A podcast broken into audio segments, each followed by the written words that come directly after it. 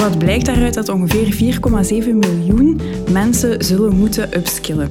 Door die tooling en door mijn competenties achter schermen als gedeelde taal te gaan gebruiken, gaat het systeem mij helpen om ook een functie te vinden die wel mijn competenties nodig heeft, maar misschien in finance of in de business, waar ik zelf nooit spontaan zou opkomen, want als je denkt ik wil veranderen van functie, ga je altijd naar titels gaan kijken of naar een domein gaan kijken. We gaan iedereen moeten toelaten om zich een beetje bij te scholen, zodat die lagere profielen iets hoger ingeschaald kunnen worden. U luistert naar de HR Magazine podcast. Een bekende journalist interviewt twee experts over een actueel HR-thema. Ze geven hun visie op de toekomst. Uw gastvrouw is Lisbeth Imbo. Welkom iedereen bij alweer een nieuwe HR-podcast. Dit keer over competentiemanagement. Kijken welke skills, competenties heb je nodig om aan de strategische doelstellingen en noden van je bedrijf nu, maar vooral ook morgen te voldoen. Agoria is daarmee aan de slag gegaan en heeft de whitepaper Be the Change geschreven als start van een campagne daar rond, maar ook van dit gesprek, zeg maar. En ook bij Telenet zijn ze uiteraard al bezig natuurlijk met de dag van morgen. Van Akker, COE Talent and Leadership bij Telenet. Wees welkom. Maar ik ga beginnen bij jou. Dag Fabienne Martin, Expert People and Organization bij Agori. Dat zijn toch altijd geweldige titels, vind ik. Uh, waarom Be the Change? Uh, ja, ik denk dat we niemand nog moeten overtuigen van de VUCA-wereld waarin we leven en de vele veranderingen die er momenteel aan de gang zijn, onder andere ook de digitalisering. De studie Be the Change gaat dan ook over de impact van die digitalisering op de Belgische arbeidsmarkt. Um, wat blijkt daaruit dat ongeveer 4,7 miljoen mensen zullen moeten upskillen. Dat zijn er veel. Ja, dus we kunnen er eigenlijk wel bijna van uitgaan dat geen enkele job zal uh, ontsnappen aan de digitalisering uh, en dat we dus allemaal nieuwe competenties zullen moeten gaan verwerven. Um, en eigenlijk kan je uh, je jezelf motiveren door te denken dat je het voor jezelf gaat doen, om duurzaam inzetbaar te blijven. Uh, zowel bij je huidige werkgever als bij je toekomstige werkgever, uh, indien je dat zou ambiëren. Uh, en dan misschien ook wel voor je medemens. Ik zal dat misschien toelichten.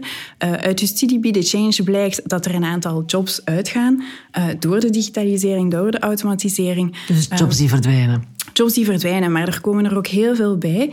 Maar uh, we gaan iedereen moeten toelaten om zich een beetje bij te scholen, zodat die lagere profielen iets hoger ingeschaald kunnen worden. Maar dat betekent dat op dat hogere niveau ook een steentje uh, bijgedragen ja. gaat moeten worden. Iedereen moet naar omhoog. Iedereen moet naar omhoog. Uh, dan is er plaats voor iedereen. Dus je doet het voor jezelf en voor je medemens ja. eigenlijk. Maar is het dan echt wel zo inderdaad dat elke job want, zich zal moeten transformeren? Dus ook bij manier van spreken de bakker om de hoek? Ja, uh, elke job zal. Ja, want iedereen denkt in een bedrijf, uiteraard moet je mee zijn hè, met ja. digitalisering. Ja, maar ik denk elke job natuurlijk in meer of mindere mate. Uh, maar ook in de horeca of zelfs de bakkers, denk ik. Door corona is dat wel gebleken. Um, dat we allemaal wel een beetje digitaler zijn moeten gaan. gaan misschien zelfs sneller dan verwacht. Uh, en als je jezelf daar graag aan wilt toetsen, kan je eigenlijk ook het DigiSkills paspoort afleggen. Dat is een paspoort, een zelftest die Agoria ontwikkeld heeft samen met Uh, om eigenlijk te zien welke 27 competenties je nodig gaat hebben. Dat zijn er veel, 27. Ja, in de, wereld, in de wereld in digitalisering. Maar gelukkig heb je er waarschijnlijk uh, ook al uh, heel wat. Omdat dat ook soft skills zijn. dat zijn ook digitale skills die je ook in je privéleven waarschijnlijk al tegenkomt. dus het is dan maar een beperkte set bij wijze van spreken die je echt enkel in je professioneel leven gaat nodig hebben. En dan kan je je daaraan toetsen en zien waar je staat. Ja. Is het dan, als ik jou hoor, Fabienne, een soort gedeelde verantwoordelijkheid? Namelijk, ik moet bij mezelf misschien ook eerlijk nagaan. Hè? Waar, waar zitten mijn, mijn zwakke punten? Maar ook het bedrijf dat inderdaad moet kijken van... Wat kan Lisbeth, wat kan Fabienne, wat kan Vicky en wat kunnen we met hen? Ja, inderdaad. Ik denk, uh, het is zeker goed om het voor jezelf te doen. Maar ik denk dat heel veel werkgevers vandaag ook wel uh, die nood aan upskilling en reskilling inzien. Om zelf ook uh, relevant te blijven op de arbeidsmarkt.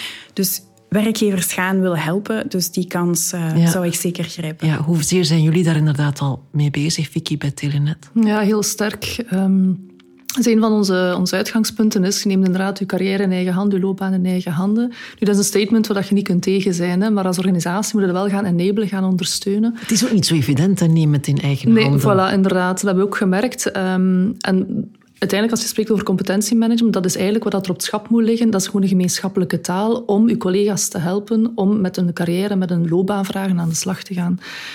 Het wordt dikwijls nog gezien als, als een doel op zich, grote projecten om dat te gaan, de, de competenties te gaan bepalen. Maar dat is niet de insteek waar wij voor gekozen hebben. Welke insteek kiezen jullie dan? Eigenlijk een van onze core principes is uitgaande van, van uh, poolprincipe. Dat betekent het ligt klaar op het schap. Dus we hebben eigenlijk gewerkt vanuit, we hebben een woordenboek aangekocht. Uh, we hebben dat deel net eigen gemaakt, maar door een klein team van experten. geen grote workshops, want dan eindigde toch maar in semantische discussies. Um, en daarop de saus toegepast van, van simplicity. Hè, van het liggen op het schap. Beste collega's, beste klanten, want voor onze klanten zijn de medewerkers, de people leaders, de organisatie in zijn totaliteit. heb je een bepaalde vraag, een bepaalde nood, dikwijls eindigt je heel snel in een competentienood die daar onderliggend ligt. Hè. Maar niemand vraagt aan HR, ik heb nood aan competenties. Um, meestal de vraag van medewerkers van ik wil graag ontwikkelen, ik wil graag bijblijven inderdaad. Hoe kan ik ontwikkelen? Uh, ik ben misschien wel op zoek naar een andere functie. Wat zou er bij mij passen? Dat zijn de vragen van de klant. Dus je positionering is de vraag van uw klant. En achterliggend spreek je wel in competentietaal. Dus vandaar, moet, het moet er zijn, het moet aanwezig zijn, maar niet als doel op zich. Is het altijd helder wat iedereen bedoelt met het woord competentie? Ik denk in praktijk, het woord skill, competentie wordt door elkaar gebruikt. En eigenlijk dat moet je ook durven loslaten als HR, denk ik. Um, belangrijk is dat er een dialoog ontstaat rond waar gaan we naartoe, waar, waar ben ik sterk in. Um, dat is de, essentie uiteindelijk. Hè. Ja. Of dat het dan skill of competentie noemt, dat is eigenlijk van ondergeschikt belang. Ja. Maar ja, het is wel misschien van belang, want je wilt het in kaart gaan brengen. Hoe begin je eraan? Want een mens bestaat natuurlijk uit heel veel competenties en skills. Zeker als je de soft skills er allemaal bij neemt. Je gaat uh, keuzes moeten maken, denk ik. Um, zoals wij uh, competenties ruim omschrijven, gaat het eigenlijk over een kwaliteit die een werkgever van jou verwacht. Uh, en dat gaat over een kennen, een kunnen of een bepaald gedrag dat je stelt. Um, en daar, dat is al een heel omvattende definitie. Uh, maar daar gaat eigenlijk je werkgever je moeten aangeven of die verwacht dat je al je competenties die je uh, hebt uh, meeneemt in de oefening of enkel diegenen die relevant zijn voor de functie of echt een meerwaarde hebben voor het bedrijf. omdat anders een oefening al heel snel te groot dreigt te worden. Ja, want het is misschien toch meer dan open de Excel, tik alle namen in van mijn werknemers en tik de boxes als je het zo aanpakt, dan wordt het inderdaad, ligt zeker voor een wat als Telenet, ja, absoluut. iets, een matrix ja. onoverkomelijk. Dat is een van de, de, andere elementen die we, die we sowieso erbij genomen hebben qua principe. Er moet een goede tooling uh, mee ingebracht worden, dus anders niet, uh, niet haalbaar. Je kunt niet competenties, om het woord dan toch te brengen, of skills gaan managen, daar inzagen hebben, weten van waar staan we vandaag, welke zijn overbodig in de toekomst, waar zitten die dan ook, welke collega's kunnen we even op front al beginnen herscholen, uh, reskillen. Daar heb je een tooling voor nodig en daar zijn we ook heel hard op aan het inzetten. Ja, hoe reageren de medewerkers daarop? Want ja, je wordt ergens toch gemeten. Um, gemeten, of de maat van genomen van wat, wat, wat ligt er op het schap en wat wat heb jij dan voldoende of onvoldoende al aanwezig in jezelf? Ja, het feit dat we hen helpen om ermee aan de slag te gaan en bij voorkeur op tijd, niet als het te laat is van oei, we hebben nu die skill niet meer nodig. Het feit dat we de analyse kunnen doen van wat hebben we nodig binnen x tijd, wat zal overbodig worden. Want we spreken dikwijls, het gaat veranderen, wat hebben we nodig. We vergeten dikwijls oefening te doen, wat gaan we dan te veel hebben. Um, en als je dan op tijd met die, nieuwe, met die collega's aan de slag kan gaan, die die skills, bepaalde skills minder gaan nodig hebben, dan zijn ze alleen maar dankbaar dat dat op tijd gedetecteerd is en dat we gaan ondersteunen om nieuwe skills aan te leren. Maakt niet mensen onrustig, want ja, als je hoort mijn skill wordt overbodig, ja. dan is het volgende in je hoofd misschien ik word overbodig. Ja. Ja. Daar, daar pik ik graag op in, omdat we uh, toch jobs vaak omschrijven als een geheel van competentiesets. En het stelt mensen wel echt gerust als ze weten dat een andere job uh, grotendeels uit dezelfde competenties zal ontstaan, uh, of bestaan en dat er dan uh, enkel een paar competenties moeten worden aangeleerd of afgeschaft. Dus het is wel echt heel interessant om mensen die positieve boodschap te geven. Uh, dat volledige jobs waarschijnlijk nooit helemaal overbodig gaan worden. Dat uh, bepaalde competenties die ze al verworven hebben nooit uh, verloren gaan gaan en dat ze nooit van nul zullen beginnen. Ja. Hoe zorg je ook inderdaad dat dat meer wordt dan een grote oefening, of misschien een oefening die ook heel veel tijd in beslag neemt en ondertussen de fait accompli er al zijn? Ik denk in hetgeen wij zien is dat uh, er een, dus een belangrijke uh, oefening uh, dient te gebeuren rond dus de selectie van de competenties die heel erg belangrijk zijn voor het bedrijf. Zoals Vicky terecht aangeeft, kunnen bedrijven uh, van een zekere omvang al meer competenties gaan meenemen in hun oefening, omdat ze zich op een bepaalde software kunnen, omdat ze op een bepaalde software kunnen terugvallen. Voor kleinere organisaties, minder dan 100 man zou ik zeggen, zijn er iets wat minder uh, tools beschikbaar uh, en gaan die al snel terug naar een Excel grijpen. Um, en als dat de, ja, het geval is, dan, dan zullen ze hun competenties echt wel moeten gaan beperken. Een tiental per profiel misschien, uh, om de oefening behapbaar te houden. Ja. En ook om ze levend te houden. Hè? Want ja. oefeningen worden vaak wel gebruikt natuurlijk in bedrijven en dan merkt men dat men daar te weinig mee aan de slag is gegaan. Ja, dat is ook de reden dat wij net voor die tooling gekozen hebben, die interactieve tooling. Um, bedoeling is als, als collega's daar een competenties gaan insteken vanuit daar ben ik sterk in, dat, ze, dat niet alleen bij hen ligt. Ik moet niet alleen letterlijk gaan ingeven in het systeem. Het systeem zit ook een artificial intelligence achter, die eigenlijk op basis van functietitels, op basis van feedback die ik gekregen heb van collega's, ook via hetzelfde systeem, gaat die eigenlijk gaan detecteren en suggesties gaan doen. Suggesties van, het lijkt dat jij ondertussen die competenties verworven hebt, maar ook suggesties naar um, wat je al sterk in bent, weten dat die competenties ook nodig zijn in die functie al dan is die functie ook nog eens vakant, is effectief een vacature. Waarom? Ik werk twintig jaar in HR. Als ik kijk naar een volgende loopbaansprong, is het in eerste gedachte goed logisch dat ik in HR ga kijken.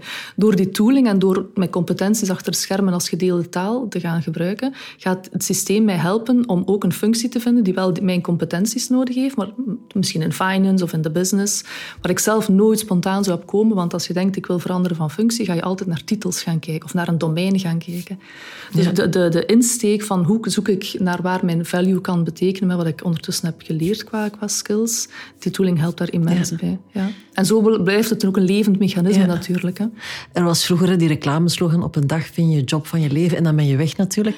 Maar door dit vind je die job eigenlijk terug in jezelfde bedrijf. Het is ook een manier om mensen niet alleen te reskillen en te upskillen, maar misschien ook bij te houden in deze tijden waarop de krapte natuurlijk vraagt dat we iedereen die potentieel heeft zeker toch aan boord kunnen houden. Ja, we zitten er iets um, nog open-minded in, als ik eerlijk ben. Uh, onze, onze visie op, op ontwikkeling, op groei, op carrière gaat eigenlijk over willen dat je employable bent. Uiteraard bij voorkeur voor Telenet, maar eigenlijk in eerste instantie als individu zodanig. Zo altruïstisch bij Ja, eigenlijk wel. ja, absoluut. Um, letterlijk dat we geloven, um, dat is ook een deel van employer branding uiteraard. Hè. Alles bij u houden, allee, als dat niet vanuit intrinsieke motivatie is, dan, dan, dan werkt dat toch niet. Dus wij geloven als wij je helpen om, om waar jouw talenten zitten, dat je dat ook naar boven, dat je dat beseft. En bij voorkeur hopelijk hè, vind je een plaats bij Telenet waar wij die talenten kunnen gebruiken. Maar is dat niet zo? Zijn we alleen maar gelukkig als je op de markt uh, wel je geluk vindt in je talent. Ja, absoluut. Zijn de meeste werkgevers al zo doordrongen daarvan? Uh, ik denk wel dat heel wat werkgevers beseffen dat er een nood is aan upskilling en reskilling. Alleen competentiemanagement heeft de laatste jaren zo'n negatieve mhm. naam gehad. Ja, absoluut. Uh, sommigen zijn het gaan afschaffen. Dus diegenen die er vandaag niet mee bezig zijn, ja, die twijfelen gewoon nog omdat er zoveel valkuilen zijn. Waarom, um, waarom werd het zo negatief of wordt het zo negatief gepercipieerd door sommigen? Ik denk dat we sommige zaken hier al aangeraakt hebben. Hè? Dus dat het uh, te snel te groot kan worden als je te veel competenties zou willen meenemen uh, en je geen specifieke tooling hebt. Of bijvoorbeeld als je het te statisch gaat doen.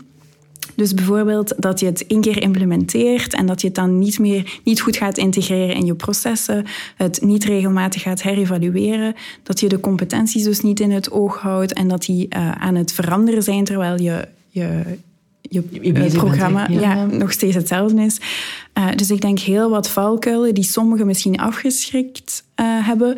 Uh, maar de nood is nu zo groot, laten we gewoon een nieuwe manier vinden waar we die valkuilen proberen uh, te verhelpen. Ja. Ik kan me wel inbeelden natuurlijk dat veel bedrijfsleiders misschien denken, ja, ik wil wel bezig zijn met de job van morgen, maar ik ben al blij dat ik de job van vandaag ingevuld krijg. Kan je dat begrijpen, Vicky, dat niet iedereen al misschien de ruimte heeft om met die grotere oefening bezig te zijn? Maar de grotere oefening gaat ook over vandaag. Opnieuw, dat gaat over vandaag. Wat heb ik vandaag nodig? Ook daar gaat er nog optimalisatie en nog ontwikkeling nodig zijn van skills.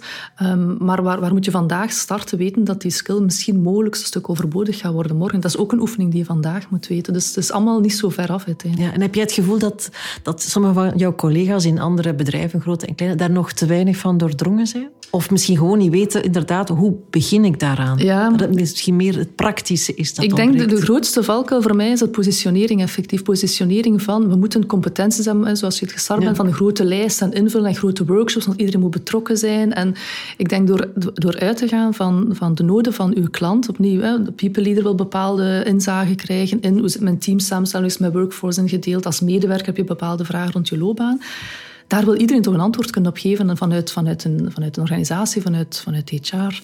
Dat is uw basisvraag. En voordat je het weet, zijn de competenties aan het spreken. Maar opnieuw, die haal je van het schap. Dat is geen zware oefening die je met iedereen moet gaan doorlopen. dat is eigenlijk mij de grootste valkuil. Vandaar dat jullie dus ook in september met zo'n gids komen. Om iedereen eigenlijk te helpen dat in gang te trekken.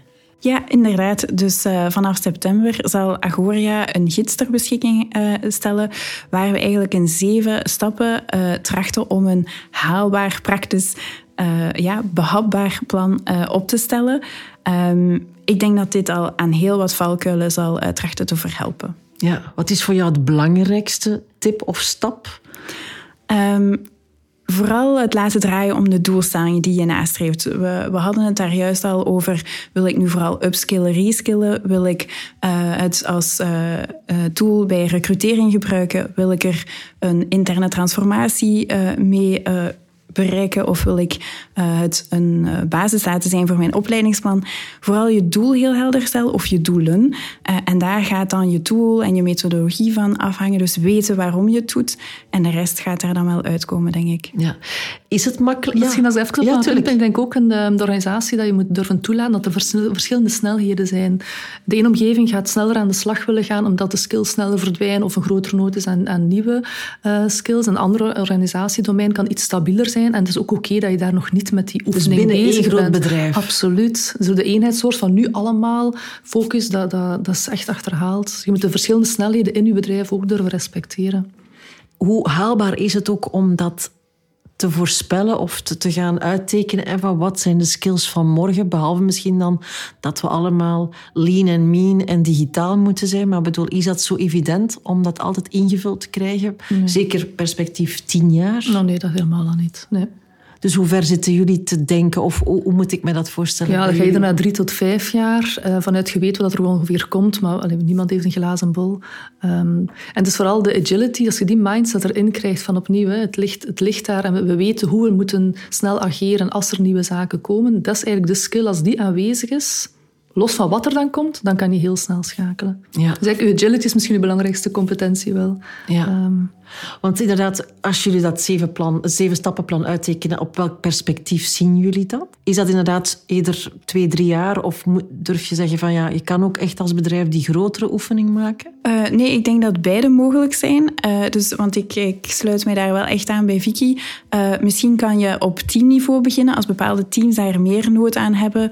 Um, om het op een net uh, realistisch en haalbaar te, houden. We hebben in de gids eigenlijk geen uh, termijn opgenomen. Uh, sommige bedrijven kunnen daar vrij snel in schakelen. Maar inderdaad, als je al je partijen wilt betrekken, kan je al snel een paar jaar vertrokken zijn. Dus alles zal ervan afhangen hoe ambitieus je erin bent en of je meteen één groot geheel wil lanceren of eigenlijk bereid bent om stapje per stapje te gaan evolueren. maar als ik jou goed begrijp, om af te ronden, Fabienne, er niet aan beginnen is eigenlijk geen optie. Nee, inderdaad. Dat is eigenlijk voor ons uh, wel echt de belangrijkste boodschap om mee te geven. We gaan allemaal moeten upskillen en reskillen. Uh, doe het voor jezelf, maar laat je ook vooral helpen door je werkgever, die zich daar uh, op dit moment ook bewust van is. Ja, en zo niet, dan moeten ze maar dat stappenplan in september meticuleus volgen, maar toch open-minded en agile zijn. Mag ik jullie dames alle twee hartelijk danken om wat meer over Be the Change en dat grotere denkproces dat ook bij Telenet volop bezig is, hier wat toe te lichten. En uiteraard u om alweer zo gedwee naar deze podcast te luisteren. Graag tot de volgende. Dag. I